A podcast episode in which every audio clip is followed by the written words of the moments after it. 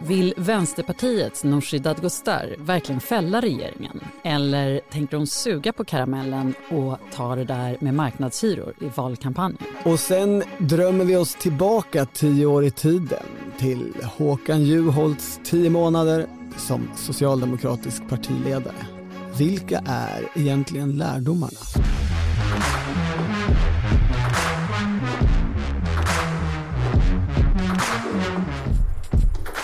Här är Politiken med Annie Reuterskiöld, Maggie Strömberg och Torbjörn Nilsson.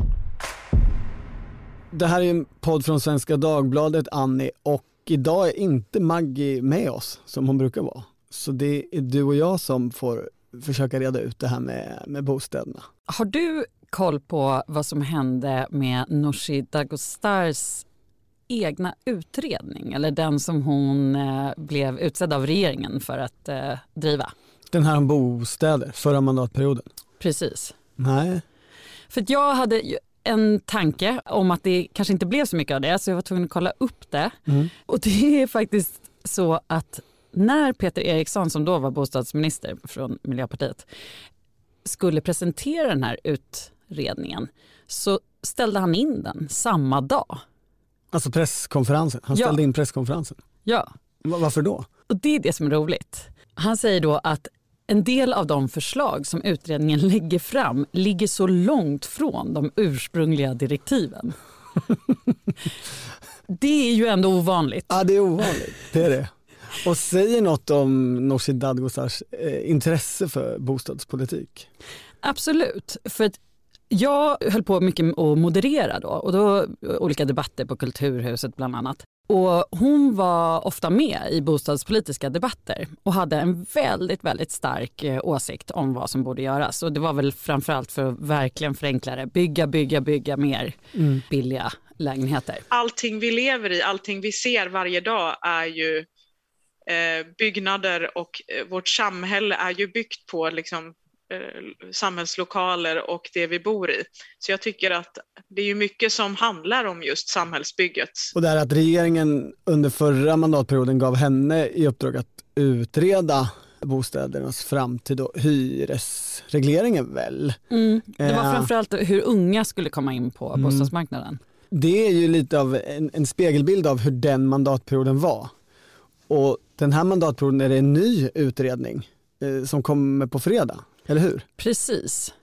Och det är inte Nooshi Dadgostar som har drivit den utredningen. Den, den landar i vilket fall inte där Nooshi Dadgostar vill att det ska landa, eller?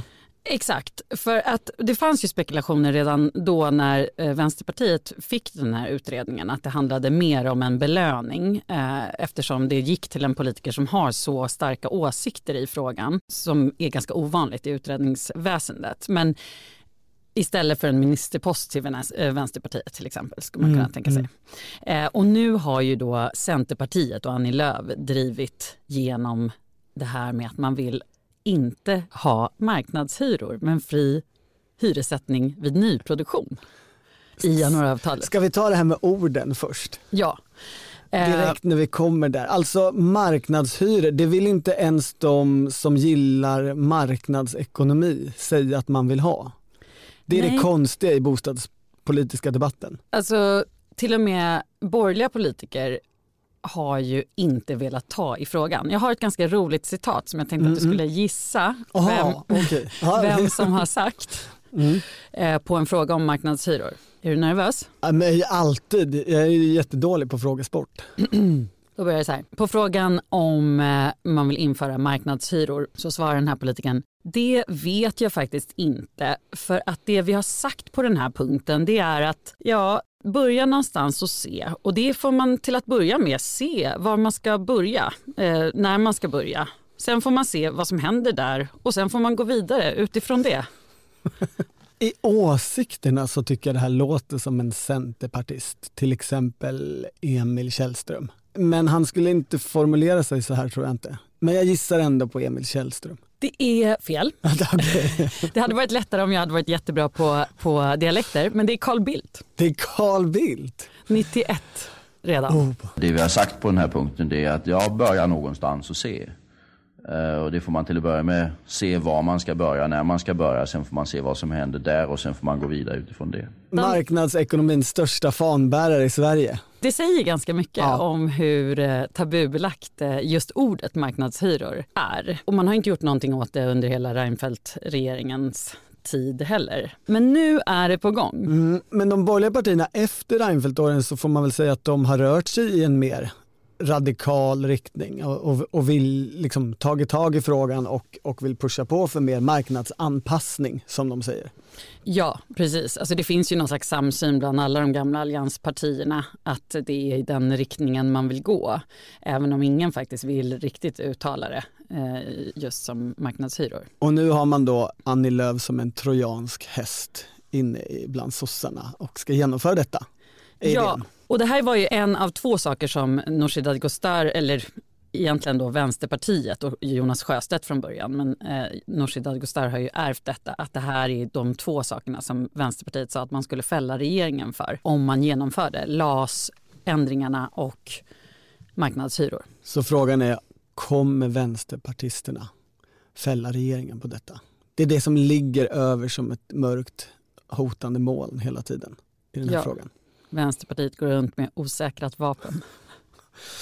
Men om vi tar då egentligen vad det innebär, för det, nu är det ju väldigt hett och eh, det slängs en massa beskrivningar ut i etern som är, antingen handlar om att det är liksom en, vore en katastrof för alla som bor i en hyresrätt, alla måste flytta, eller att det skulle vara någon slags mirakelkur för eh, nybyggande. Det är Tror de du- två posi- ytterpositionerna här egentligen. Ja. Vad tror du? Eh, Tror, tror du att något av detta kommer hända med det här nya förslaget? Om man tittar liksom bakåt i historien lite så, så är det väl snarare att det tar små, små steg åt något håll och, och i ett längre perspektiv så har ju stegen varit åt mer marknadsanpassning. De små stegens tyranni. Kan det här vara ett litet steg i? eh, De flesta ser ju det här som den här, om det här förslaget går igenom som ändå ett steg eh, ytterligare mot eh, marknadshyror. Jag kan bara dra lite snabbt vad det innebär. Det har ju läckt, och vi ska säga det att det, det kommer ju inte förrän på fredag så det kan ju finnas variationer men det som har läckt ser ut att ligga väldigt nära direktiven.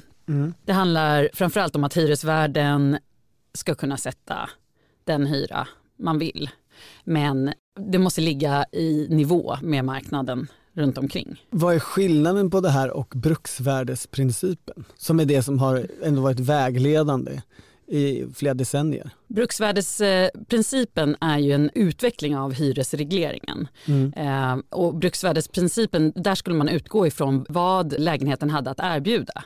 Så olika funktion i, i lägenheten skulle då sätta eh, någon slags pris och att det inte skulle kunna vara oskäligt eh, på det sättet. Och framför allt så är det ju kollektiva förhandlingar där Hyresgästföreningen förhandlar med hyresvärden och det här är ju den största skillnaden att här skulle hyresvärden sätta hyran själv. Det handlar bara om nyproduktion och det ska ju sägas att det är ungefär 1% av hyresbeståndet som är nyproduktion varje år. Så det är väldigt, väldigt få som skulle beröras av just det här förslaget. Det är Vänsterpartiet och de som är kritiska eh, säger är ju just att det kommer leda till att hela beståndet eh, lyder under andra lagar och regler. Varför är det här så känsligt då? För när du beskriver det här förslaget så kan man ju tycka att det där är väl ingen jättesak. Nej, eller hur? Man, man kan ju tycka det. Men, men det är ju en jättesak nu och eh, kommer vara ett tag till. Kan ju bli en jättesak om det blir regeringskris. Nej, det, ju- det, det, det blir en stor sak, absolut. Det är ett skäl till varför det är så känsligt. Men du kan ju mycket om sossarna till exempel. Eh, varför det är känsligt där och det är olika anledningar till varför det är känsligt. Bland borgerliga partier då så vet man ju till exempel att marknadshyror är väldigt impopulärt i opinionen. Så du vill inte gå fram med ett sånt förslag för att det skrämmer iväg väljare. Eh, Och samtidigt vill man avreglera för att man tror att det- det byggs så få bostäder på grund av att regleringar existerar. Ja, och det man hör från borgerligt håll väldigt ofta är att hyresregleringen aldrig var tänkt att vara beständig. Den infördes eh, under andra världskriget och man tänkte aldrig att det skulle egentligen på lång sikt finnas kvar. Utan det var ett sätt att säkra nybyggande. Så från borgerligt håll så tänker man väl att det är liksom, den här heliga handen är väldigt långt borta. Eh, helt enkelt. Och det som kanske jag tror varför det är så känsligt också är för att det handlar mycket om den svenska modellen. Alltså bostadspolitik ligger någonstans mellan politik och marknad. Och då brukar vi göra så i Sverige att parterna får lösa det här. Va? Och det är ju det man som är lite under attack nu. Mm. Så för socialdemokrater är det det känsliga, tänker du? Ja, bland annat. Göran Greider var ju ute här i veckan och sa att om eh, han förstår liksom inte hur Socialdemokraterna kan ens tro att de ska kunna överleva en valkampanj där de har infört ett första steg mot marknadshyror. Mm. I länge sedan eh, bostäder var en, en dödande fråga i en valrörelse tänker jag. Alltså, Verkligen, exakt. 1966, Tage Erlander när han sitter där hos de tre O'na och säger till det här unga paret som, som ska ha en, en bostad att de får ställa sig i bostadskön. Vilket råd ger ni dem då? Ja, de får ju mm, ställa sig i bostadskön givetvis. Är det inte en klen tröst för ett par i början av 20-åren som eh, vill skapa sig en framtid tillsammans? Om de bor i Stockholm och vägrar att ta någon bostad utanför Stockholm då blir det nog så. Alltså, och den tar ju en evighet. Det är väl senaste gången någon failade en valrörelse på bostäder. Ja, det beror ju på vem man frågar. Sossarna har väl eh, någon slags valanalyser i två gånger i alla fall menat att de förlorade valet på fastighetsskatten. Ja just det, det tänker jag skattepolitik. Men visst absolut. Exakt, Eh, men det är mm. det som är grejen lite att bostadspolitiken den, den finns ju knappt längre. Vad, vad har vi kvar? Det är ränteavdrag, bostadsbidrag Mm. och marknadshyror och fastighetsskatt på något sätt. Men det hamnar ju på finansdepartementet. Det är ju uppluckrat liksom. Mm. Det är ju väldigt känsliga frågor eftersom de som har det problematiskt på bostadsmarknaden det är ju framförallt nyanlända, unga, resurssvaga. De som berörs om man ändrar på någonting är resursstark medelklass och överklass, framförallt rika, hur, vad, vad du vill kalla dem. Så det svider ju i plånboken för väldigt många väljare. Men de som kanske skulle gagnas av det är många inte ens röstberättigade. Mm. Det finns ju för alla partier också ett komplicerat arv. Jag tänker på den här underbara dolkstötslegenden som eh, Assa Lindbeck, ekonomen, framförallt brukar dra. Alltså att på, på 60-talet, hyresregleringen kom ju under krigsåren och på 60-talet så växte det ändå i ledande kretsar i Socialdemokraterna fram en tanke vi ska avreglera. Och Erlander verkade typ med på det. Och Assa Lindbeck fick utreda det där och kom fram med ett förslag som var att man skulle höja hyrorna successivt på sex års sikt och samtidigt ta ut en ny skatt. Eh, eftersom fastighetsägarna skulle ju tjäna så mycket mer pengar på att få höja sina hyror. Och då kunde de betala en extra skatt. Det där förslaget innebar ju en stark marknadsanpassning. Om man frågar Assar Lindbeck i alla fall. Men det där föll ju. Och det är lite spännande hur det föll. För det var partitaktiska avgöranden som ställde till det. Först så kom Gunnar Sträng som var finansminister och sa men vi kan inte ta ut en skatt på bostäder när vi gör det här.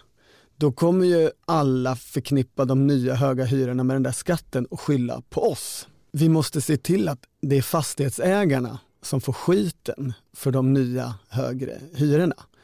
Så den delen av förslaget föll. Och sen gick man fram med det här som proposition och då kom den efterkrigstidens stora underbara välverserade taktiker Bertil Ohlin, folkpartiledaren in på scenen. Och han företrädde ju i grunden en marknadsekonomisk syn på, på världen.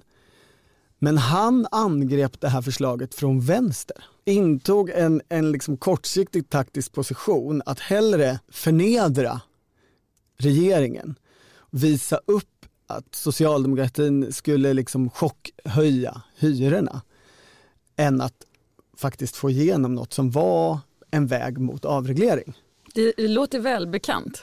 Det, det är ju lite som situationen är nu. Alltså då, det som skilde mellan det folkpartistiska förslaget och det socialdemokratiska var att Socialdemokraterna till slut gick fram med att de skulle eh, göra den här avtrappningen eller höjningen av hyrorna på fyra års tid. Och Bertil Ohlin tyckte att det var hemskt. Sex års tid, Mm. då, då kan det funka. Mm. Ja, men det är mycket politiskt spel i den här frågan. Det är det Mm. verkligen. Och ju, ju, jag skulle säga att det är det just nu också. För även om man ser att det finns en väldig fara som Vänsterpartiet då gör i att eh, ändra i det här så att utvecklingen ändå går mot att hyresvärden har makten att sätta hyran Mm. så är det ju så att den här förändringen skulle beröra väldigt få och det skulle ta väldigt lång tid innan hela systemet präglades av det här. Mm. Alltså har de ganska stora möjligheter att jobba för att dra tillbaka det om sossarna skulle vinna valet. Alltså den stora skadan på samhället skulle inte ske bara för att den här utredningens förslag blev verklighet som Vänsterpartiet ser det. Det här är ju väldigt mycket prestige och lika mycket från Moderaterna som eh, nu står och väger om de ska gå med på att fälla regeringen då. Det blir ju också exakt samma svårigheter som eh, någon sa till mig när jag pratade med dem, ja, det är som LAS all over again. Man vill egentligen att förslaget ska gå igenom, men man vill fälla regeringen, säger man. Så frågan är, ska Ulf Kristersson, eller för den delen Jimmy Åkesson, bli Bertil Olin och förstöra en marknadsanpassning ytterligare ännu en gång? Ja, men det blir ju nästan Ulf Kristersson då som är Bertil Ohlin. Eller... De är lite lika i karaktären skulle jag säga. Verbala, mm, smula stroppiga. Det får stå för dig. Nej, men, ja, och det är lite intressant att titta på vad, vad Moderaterna har att eh, ta tag i nu. För att eh, jag tror inte någon tror att Ulf Kristersson vill ha regeringskris, varken nu eller sen. Nu sitter ju de och analyserar vad Nooshi Dadgostar säger i alla debattartiklar och tv-framträdanden och man tar fasta på att hon flera gånger har nämnt att om det här förslaget läggs vid, på riksdagens bord, då blir det ett misstroendevotum och då kommer vi försöka fälla regeringen. Då menar ju Moderaterna att okej, mars 2022, det är väldigt nära valet. Sannolikheten att man ska fälla regeringen så nära valet blir ju mindre ju närmare man kommer. Mm, mm. Men jag undrar om de verkligen vill det nu. Om Nooshi Dadgostar skulle gå ut med ett eh, hot om det här i, i sommar som eh, vissa i, från Vänsterpartiet säger att någon gång i sommar eller höst, tidig höst så kommer det. Jag vet inte om man får med sig Moderaterna på det. Vad tror du? Nej, men det kokar ju också ner till frågan om, om Vänsterpartiet. Alltså den riktiga lydhunden historiskt i svensk politik. De fäller ju inte socialdemokratiska regeringar, i alla fall inte så att det riskerar att bli högerregeringar istället. Det är ju lärdomen bakåt som alla går och bär med sig. Och samtidigt är det här en ny partiledning som det är it's personal med, med, med, eh, Nooshi Dadgostar. Ja, Alltså hon har ja men en både att, otrolig- att de hon, det, det finns så att säga skäl att, att visa att Vänsterpartiet kan vara något annat parlamentariskt. Och dessutom så finns det ju en personlig övertygelse och entusiasm i just de här frågorna.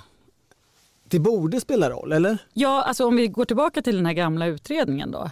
Så, eh, alltså jag, jag tror inte den är helt Den som oviktig. hon gjorde förra mandatperioden. Ja, jag tror inte den är helt oviktig. Hon sket ju i vad, vad regeringen ville och vad direktiven sa. Hon la ju fram det hon ville. Och det, det är en liten fingervisning tror jag. Jag tror inte vi kan vara helt säkra på vad, vad eh, Nooshi Dadgostar kommer göra just i den här eh, frågan. En sak jag tänker på, även om det liksom är het dramatik kring det här nu. Nästan alla förändringar på det här området, de som ändå har skett, när man införde bruksvärdesprincipen till exempel då, efter den här failet 1967, de har ju skett långsamt och mycket stegvis. Man börjar med nyproduktion och hur har det gjorts i andra länder? Finns det liksom skäl att tänka att det här kan gå snabbt? Eller kommer det fortsätta vara en segdragen långbänk i svensk politik? Ja, det är ju vänsterns favoritexempel Finland. Eh, där gick man ju ett första steg eh, 1991 och sen gick det bara några år, två, tre år innan man eh, införde det för alla hyresrätter på marknaden. Så då var det marknadshyror, eller vad du nu vill kalla det, fort infört fyra, fem år. Sådär. Precis, så det kan ju gå fort. Om man tittar i Norden så Norge, där har man ett helt annat eh, system. Norrmän älskar att äga, alla är moderater. Även Arbetarpartiet har tryckt på att det är liksom en, en rätt, nästan som en rättighet. Varje människa ska äga sitt hem. Och hyresrätterna har blivit väldigt få i jämförelse med till exempel Sverige. Så, och det är mer för just så här, studerande, tillfälligt boende. Det är verkligen en, en eh, majoritet av de norska hemmen som är eh, ägda. Det har väl med hytter att göra och allt möjligt.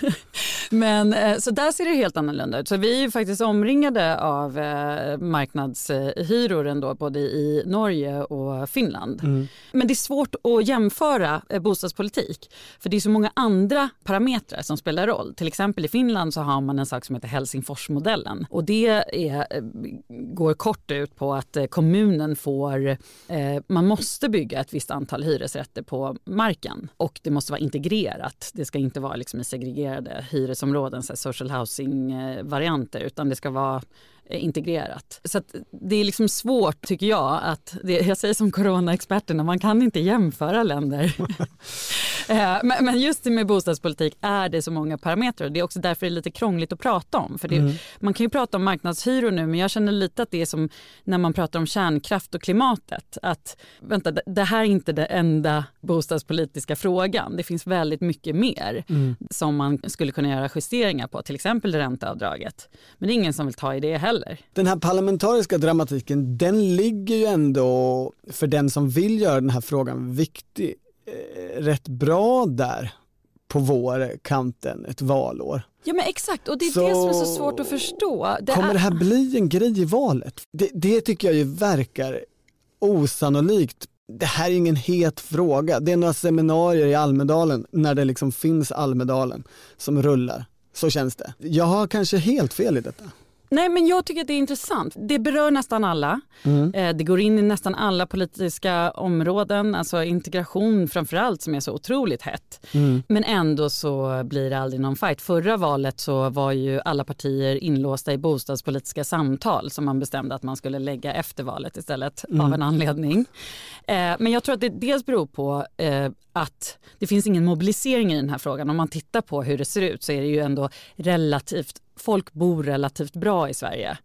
Det är ingen grupp som går ut på gatorna och liksom är arga. Och det här vi pratade om förut, att det är så eh, känsligt att göra någonting eh, för att det svider i plånboken och folk kan ganska om man skulle ändra på ränteavdragen till exempel så kan ju folk ganska lätt börja räkna på hur mycket de skulle förlora på det och så röstar man på ett annat parti som inte vill ta i ränteavdragen. För det är ju en sån sak som är fastighetsskatten, där är nästan alla nationalekonomer eniga om att man ska, eh, eller att man på något sätt borde... Det är en bra skatt, säger nationalekonomerna. Ja. Men politikerna inför den inte ändå, Nej. eller ogärna. För nationalekonomerna behöver inte gå till val. Det är mycket sånt. Men nu vill ju vänstern göra det här till en valfråga. Jag förstår varför. För det är, det är ganska lätt. De andra de vill göra det jättemycket dyrare för er att bo. Akta er för det. Det är ganska mycket mer komplicerat än så. Och då undrar man ju också hur starka incitamenten är för Nooshi Dadgostar och Vänsterpartiet att skapa en regeringskris på den här frågan innan man kan använda sig av det i valkampanjen. Du tänker så. Man skulle väl kunna använda sig av det även efter en regeringskris men då har man ju mycket annat att hålla på med. Vi får se helt enkelt om det är någon som vågar plocka upp Nooshi Dadgostars kastade handske. Carl Bildt kanske kommer in igen och trippelnegation. Nej, nej, Man kan ju hoppas. nej, nej, nej, nej. Så går det inte till. Välkommen till verkligheten. Annie, vad är ditt bästa minne av året höll jag på att säga, men månaderna då Håkan Juholt var Socialdemokraternas partiledare och statsministerkandidat? Ja, men om vi ska börja i dur så, så är det faktiskt eh, pressträffen med honom när han hade valts. Mm. Första pressträffen. För då var han så här sprudlande och som han är otroligt ovanlig för en svensk politiker. Eh, höll på att snacka om sin mustasch för första gången. Sen blev det ju inte så kul. Men, men första gången och, och gångerna var det ju ganska kul. Mm. Och jag kommer ihåg att jag satt där och blev lite upplivad av stämningen. Han vågade skämta och Eh, var väldigt avslappnad med alla journalister. Verkade inte alls, han hade ju jobbat som journalist själv också. Han var ju liksom inte alls så här avot inställd till oss. Men jag kommer ihåg att jag kanske också tänkte hur, hur ska det här bli? Men det var ändå, måste jag säga, mitt bästa minne. Sen blev det lite konstigt för mig för att jag eh, blev under de här månaderna sjukskriven. Jag jobbade faktiskt inte när det hela sen, vad ska man säga, exploderade. När det är gick åt nästan ord. pipan Ja, precis. För Håkan Juholt. Men då kan jag avslöja hur sjuk i huvudet jag är. För då satt jag nämligen framför min dator, framför livesändningen utanför 68 och följde allting fastän jag inte jobbade. Och jag satt liksom och tittade på alla de här ryggarna på alla olika politikreportrar. ah, där är Johan Sennerö, det ser jag. Ah, där är Per Karlsson. Det var ju lite omöjligt. Jag minns att eh, jag jobbade ju på Fokus då och jag ville verkligen inte skriva om Håkan Juholt. Varför inte då? För att på valnatten där 2010 när Mona Sahlins socialdemokrati förlorade så slog det mig på något sätt att luckan i bevakningen är att alla svenska journalister är så intresserade av Socialdemokraterna. Men ingen är intresserad av Moderaterna. Ingen kan någonting om Moderaterna, ingen känner till deras historia, ingen vet vem som var ordförande i ett eh, länsförbund här och ett länsförbund där. Ingen begriper riktigt internintrigerna. Det här är din åsikt kanske ja, man det kan var min, eh, det var min, nej, inte nu, det var min åsikt då. Då, ja. Och då lovade jag mig själv att jag skulle köpa alla böcker som fanns om Moderaterna, skrivna av moderater, om moderater, läsa alla dem och lära mig begripa det här partiet som för andra gången hade vunnit valet. Och jag var helt ointresserad av Socialdemokraterna. Och mitt i detta mitt studieprojekt om Moderaterna så hände Håkan Juholt, dels hur han blev vald, mycket otippat, och dels de internintriger som sen skedde och hur han tvingades bort. Varje gång det liksom hettade till så var jag såhär, nej stör mig inte, jag håller på och, och läser, Ask. läser om Gunnar Heckscher. jag vill inte bli störd av Håkan Juholt. Så blev jag till slut tvungen att skriva eh, ett antal, tre tror jag till slut, stora texter om, om Håkan Juholt. Och särskilt minns jag flanaden när han tvingade alla reportrarna hem till Oskarshamn för att han skulle in i det där köpcentret fullt med folk säga att nu sticker jag från det här. Det var fint på något Ja, sätt. och det pratar han ju om i dokumentären också. Mm, det har kommit en ny dokumentär Ja. som Tom Aland har gjort. Precis. För att det är, det är roligt med en dokumentär om Håkan Juholt kanske, men det är också tio år sedan. Tiden går. Exakt, och det sa han när han går förbi där att eh, det är faktiskt inte smärta, oro och ångest som gör sig påmind utan stolthet över att han hade sinnesnärvaro nog att tvinga ner alla hem till honom. Eh, ja, det är en stark eh, scen. Ja, det var det faktiskt. Den här dokumentären är ju eh, mysig. Det är ju det är ett snällt porträtt av en energisk ambassadör på Island som eh, står och gör sill och Otroligt. pysslar själv, eh, stryker dukar, allt gör han själv. Och det tänker jag är ju, ger ett sympatiskt intryck. Samtidigt var det ju den svaga delegeringsförmågan och oförmågan att rekrytera bra folk runt omkring sig som var en av orsakerna, skulle jag säga, till att det gick åt helvete för Håkan Juholt som, som partiledare. Det är roligt för att det, jag tänkte verkligen på de här sillsnittarna. eh, Hur han formade ut dem med ett litet runt glas och la på sill och la på vad var, ost, nej ägg var det. Mm. Eh, Brantevikssill naturligtvis, matcher och sen olika sillrätter. Det blir ett väldigt bra talking piece. Sitter man på en middag och bara får en vanlig middag, hur fin den än är, middagen i sig är bara en dekoration. Det är inget talking piece. Men får man ambassadörens silltallrik, då är varje sillbit någonting man kan prata om. Sill öppnar dörrar. Perfektionist Ja, i detta. och också lite konstigt att han står och gör det. Alltså jättefint, men lite konstigt. Det, det går ju att dra en linje där till att Det- inte det kunna delegera. eh, Man, man ska väl säga att en stor och avgörande sak var, var att det fanns starka krafter i Socialdemokraterna som motarbetade honom hela tiden. Absolut. Det, det, jag vill inte på något vis negligera den aspekten, men det fanns så att säga saker han misslyckades med också. Ja, och där når ju inte dokumentären nästan någonstans. Och Tom Aland gör ju sitt bästa eh, för att eh, släta över det berättartekniskt. Eh, men man kommer ju inte åt det med, med, med den typen av dokumentär. Tror jag. Alltså det, det är ett omöjligt projekt att eh, ta sig an på det sättet.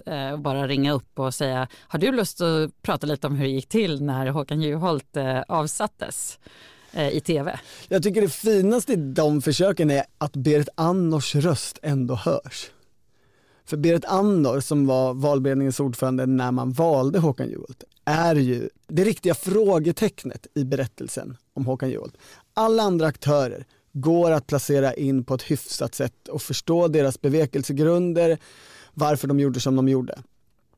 Berit Andor är asken som fortfarande aldrig har öppnats. Så jag tycker, om man ska vara snäll mot Tom Holland, att det ändå är point on att, det, att hon är en av dem som vars röst ändå hörs när hon säger nej, det tänker jag inte berätta om och det gör man inte. Man pratar inte om vad vi har pratat om i en valberedning. Läs valfri politikerbiografi, Berit Andor. Man pratar visst om det efteråt. Exakt. Du kan ringa mig när du vill.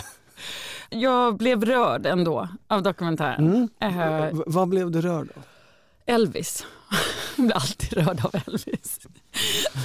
Men också... Det här att han berättar att han inför varje Folkets husmöte där han har talat, vilket ju är jätte, jätte, jättemånga, lyssnar på Elvis sista sträckan i bilen fram för att liksom ladda upp.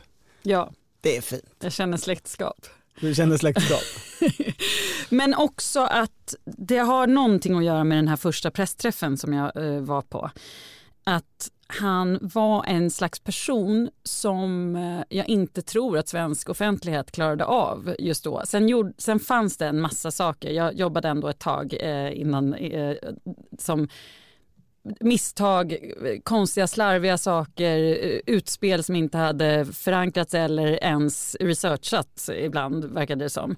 Men det finns en parameter som är att han var olik alla andra vi har sett och att det inte gick för sig. Det var så lätt mm. för medierna att hacka på. Och det är väl där något Men det är ju sant. Och det tycker jag Tom Aland fångar i den här med två ord i manuset. Han säger vardagens människor. Håkan Juholt hör hemma bland vardagens människor och så är det bildsatt av ett isländskt band som Håkan Juholt har dragit till en festplats i Västervik. Som står och sjunger en, ja, vad ska vi säga, sådär version av Felicia Adjö. Och så panorerar kameran runt och där är ju tvärsnitt människor, svenskar, rätt vanliga människor, sådana som Håkan Juholt snackade med, var med. Det håller jag med om. Men där fanns också en lucka i analysen hos Juholt skulle jag säga. För att han pratade ju så himla mycket om att han var gräsrötternas mm, eh, mm. politiker och, och partiordförande och så. Men det var ju också där problemet låg att han inte hade något stöd, eh, i, i, alltså något organiserat stöd i partiet att tala om. För om man nu tittar till exempel på England och Corbyn och Labour mm. eh, så så skapades ju momentum för att skydda Corbyn. Det tar ju en hel podd att göra jämförelser, eh, många olikheter mellan de här två partierna. Mm. Men det saknades ju i alla fall här. Ja det gjorde det. Det var en ohelig allians som lyckades trycka Håkan Juholt till positionen och därefter lite lämna scenen, i alla fall inte i tillräckligt hög grad hålla sig kvar eh, där. Exakt, och en person som man måste nämna i de här sammanhangen är Daniel Suonen. Som också den här dokumentären, titeln är ju en parafras på boken som Daniel Suonen skrev, partiledaren mm. som klev in i kylan. Mm. Och den här dokumentären heter Ut ur kylan. Det där är ju liksom en dolkstötslegend. Förlåt att jag, det är som att jag fastnat i det här avsnittet på det ordet. Men, men här finns ju så att säga hade vi socialdemokrater, Suonens ord, valt och vågat gå Håkan Juholt-vägen hade vi eh, varit ett helt annat parti idag och eh, SD hade inte vunnit på våran bekostnad på det där sättet och vi hade behållit arbetarklassen och vågat vara eh, det folkliga partiet. Ja, det, det, jag säger bara att det är sant att de skulle varit ett annat parti. Men, så, så på det sättet tänker jag att Håkan Juholt fortfarande idag spelar en väldigt viktig roll. Jag menar, pratar man med någon i kanslihusen idag så vill de inte kännas vid att Håkan Juholt har eller ens knappt existerar. Men den där dolkstötslegenden, den alternativa berättelsen om vad det här partiet är och ska vara, den är i högsta grad levande i diskussionen fortfarande verkligen. Och där kommer ju Daniel Suhonen in igen med sitt Reformisterna som han har Mm. grundat. Det är ju en eh, S-förening i Stockholm men den får ju väldigt många medlemmar snabbt och är ju ett samlande av gräsrötter verkligen. Med, med liksom det uttalade syftet att nästa Juholt ska bli eh, en Corbyn. Det ska, Mm. vara, det ska vara en vänsterledare som har en organiserad eh, uppbackning. Så det tror jag också, att eh, Daniel Suhonens fantomsmärtor är i högsta grad eh, eh, levande idag och eh, ha, han har använt dem till att eh, organisera en Är Håkan grupp. Juholt med i Reformisterna? Nej, nej. Men Det undrar man ju. Eller ja, Han kan kan jag- ju vara det. det kan han ju vara. Det kan han absolut vara. Det, det, det, det, måste måste undersökas. Ja, ja. Men det är absolut lärdomarna av Juholt-tiden ju, eh, som ligger till grunden för den här föreningen. Sen vet man inte vad de har för möjligheter att påverka men man ser ju redan nu att de har påverkat eh, i både Stockholm och eh, Skånedistriktets eh, eh, motioner till eh, kongressen till exempel. Just det. Eh, så, I ekonomiska politiken. Så Socialdemokraternas partikongress i höst är egentligen en strid om arvet efter Håkan Juholt. Vi säger det. Och så alltid spelar jag det i bilen, det sista jag gör innan jag går in och ska hålla ett anförande. Så har jag alltid gjort. Jag har gjort hela mitt liv. Alltid. Du har lyssnat på Politiken, en podd från Svenska Dagbladet.